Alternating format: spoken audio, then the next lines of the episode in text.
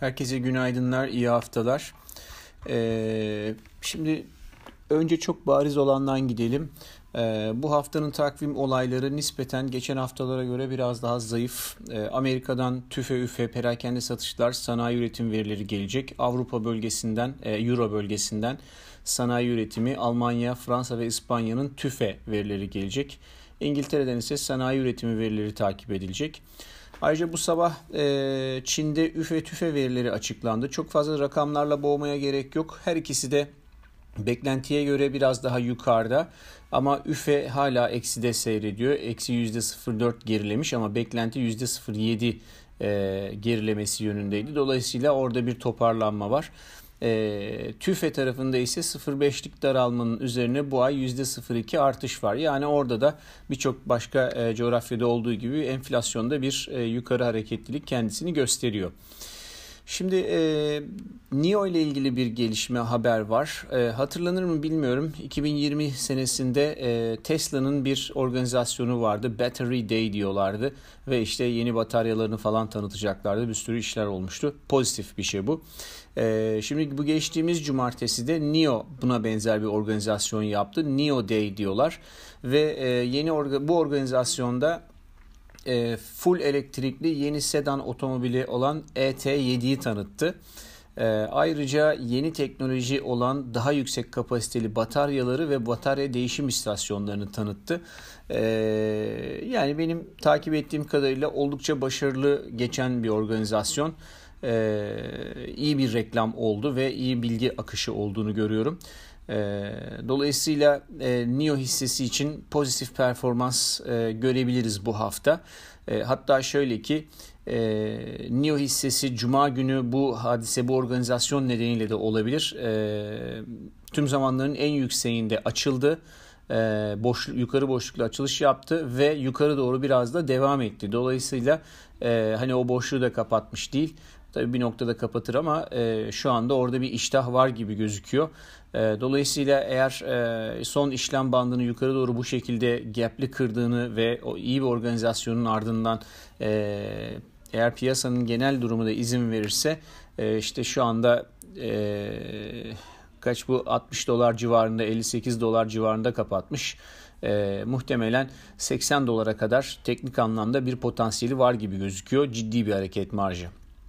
Ee, ama burada şöyle bir şey var. Eğer hareket, e, eğer borsalar izin verirse, niye böyle söylüyoruz? Çünkü şimdi oraya gelelim. Ee, hisse endeksleri açısından e, şöyle bir durum var. Endeksler kritik ortalamalardan biraz fazlaca uzaklaştılar. Historik olarak e, hareketli ortalamalardan böyle fazla uzaklaşıldığında bir teknik düzeltme gelir. Hani tam olarak nokta atışı şu gün şu saat denemez ama artık o bölgelerdeyiz, o zamanlamalardayız. Dolayısıyla orada bir e, aşağı yönlü teknik düzeltme yerinde olacaktır hisse senedi endekslerinde. E, S&P 500, Dow Jones, Nasdaq gibi majörler için konuşuyorum. E, şimdi Biden'ın oldukça e, büyük bir paket üzerinde çalışıldığına dair bir açıklaması var. Bu pozitif bir haber. ama buna karşılık daha şimdiden bazı senatör, senatörlerin 2000 dolarlık nakit destek konusunda çatlak sesler verdiğini görüyoruz. Bu da negatif bir hareket.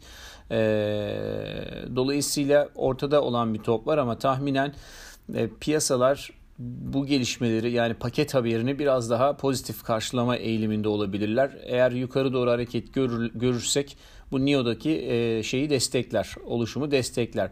Ancak şunu söylemeden etmemek, e, bunu bırakmamak lazım. Eğer hisse portföyü taşıyorsak e, bu tür durumlarda hem teknik olarak aşırılığa gelmiş olduğumuz bir durumda hem de fundamental olarak biraz topun tekrar orta sahaya kaydığı durumlarda e, ben hisse portföylerinde e, belirli miktarlarda aşağı yönlü put opsiyonları, endeks put opsiyonları alarak e, bu süreci geçirmeyi tercih ederim. Yani şu anda hala cycle'ın e, yukarı doğru olduğunu düşünüyorum hisse senetleri için. E, döngü yukarı ama e, işte böyle bazen türbülans olabiliyor. O yüzden hisseleri satmak yerine e, hisselerimin nominal değerine denk gelecek kadar en basitinden yani söylüyorum. O büyüklükte put, o endeks put opsiyonları veya put spreadleri alınabilir diye düşünüyorum. Ee, bir konu daha var burada. Geriye dönüp baktığımızda Cuma günü kapanışında S&P 500'de e, kimler iyi gitmiş, kimler daha az iyi gitmiş diye bakıyoruz. Altyapı ve sosyal hizmetler yani utility denen sektör, sonra zaruri tüketim sektörü ve gayrimenkul sektörü en fazla yükselen sektörler olmuş. Bu şu demek. Tipik olarak e, bu sektörlerin alış alıcılı olduğu zamanlarda piyasa bunlar defansif sektörler. Piyasa defansa geçiyor demektir. E, biraz daha risk faktörlerinin arttığını düşünürüz. O yüzden demin bahsettiğim konu önemli bence. Asya seansında Japonya ve Hong Kong hariç e, herkes ekside işlem görüyor. Amerikan vadileri ise %0.50'den biraz daha fazla aşağıda. Paritelere bakarsak aslında bunu belki de en başta söylemek lazımdı. Çünkü e, bugünün olayı ve belki de önümüzdeki haftanın olayı e, dolar endeksindeki güçlenme. Hatırlanırsa geçen hafta mum grafik analizi yaparak e, do, dolar endeksinde bir yükselişin başlamış olduğunu konuşmuştuk. E, şimdi devam ediyor ve muhtemelen 50 e, günlük hareketli ortalaması 91.30'da oraya kadar dolar endeksinde yükselme göreceğiz. Ee, tabii buna karşılık majörlerde de ciddi anlamda gerileme olacaktır. Hatta euro dolara baktığımızda e, Ekim ayından bu yana en hızlı şekilde değer kaybettiğini görüyoruz. O dönemde 6 günde 238 pips düşmüştü. Şimdi 3 günde 177 pips düşmüş durumda ve daha hareketin başında gibi gözüküyor. E, dolayısıyla burada 1.20-50 bölgesindeki 50 günlük hareketli ortalamaya kadar euro dolarda e, zayıflık görürüz gibi görünüyor. Sterlin tarafında ise zaten çoktan hak ettiği bir e, satış var burada. E, bunun artık nerelere gideceği konusunda çok kesin bir şey söyleyemem ama bence çok aşağılara gitmesi gerekiyor.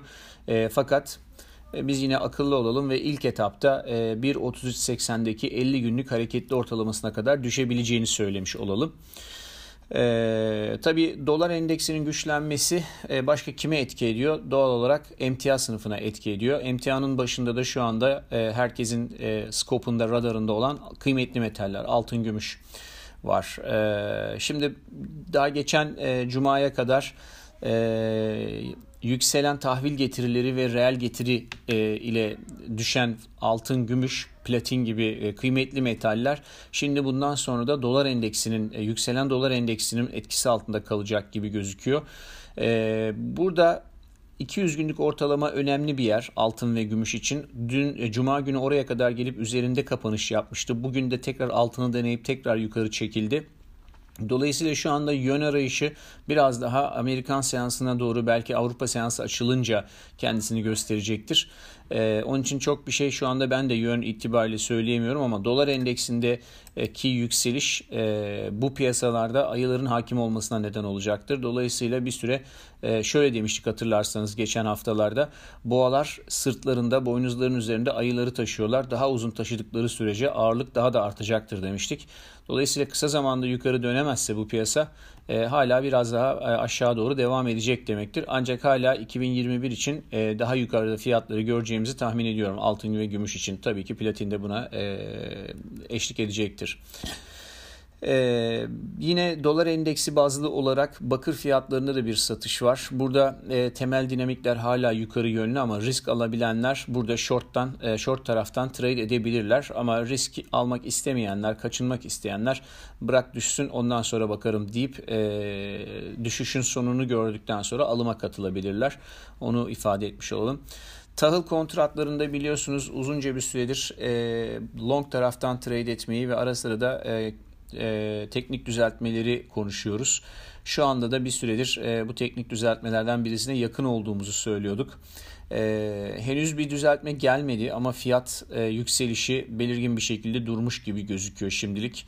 E, bu dolar endeksindeki güçlenme hikayesi muhtemelen burada da kendisini gösterecektir. Henüz böyle bir fiyatlama olmadı.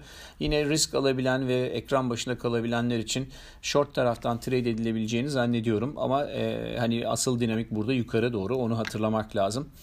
E, ya da arzu edenler biraz daha bekleyip aşağı taraflarda konsolidasyonu gördükten sonra longa katılabilirler. Son olarak doğalgaz tarafında cuma günü sözünü etmiştim. E, ama e, yoğunluktan dolayı ayrı bir not e, hazırlayamaya vaktim olmamıştı.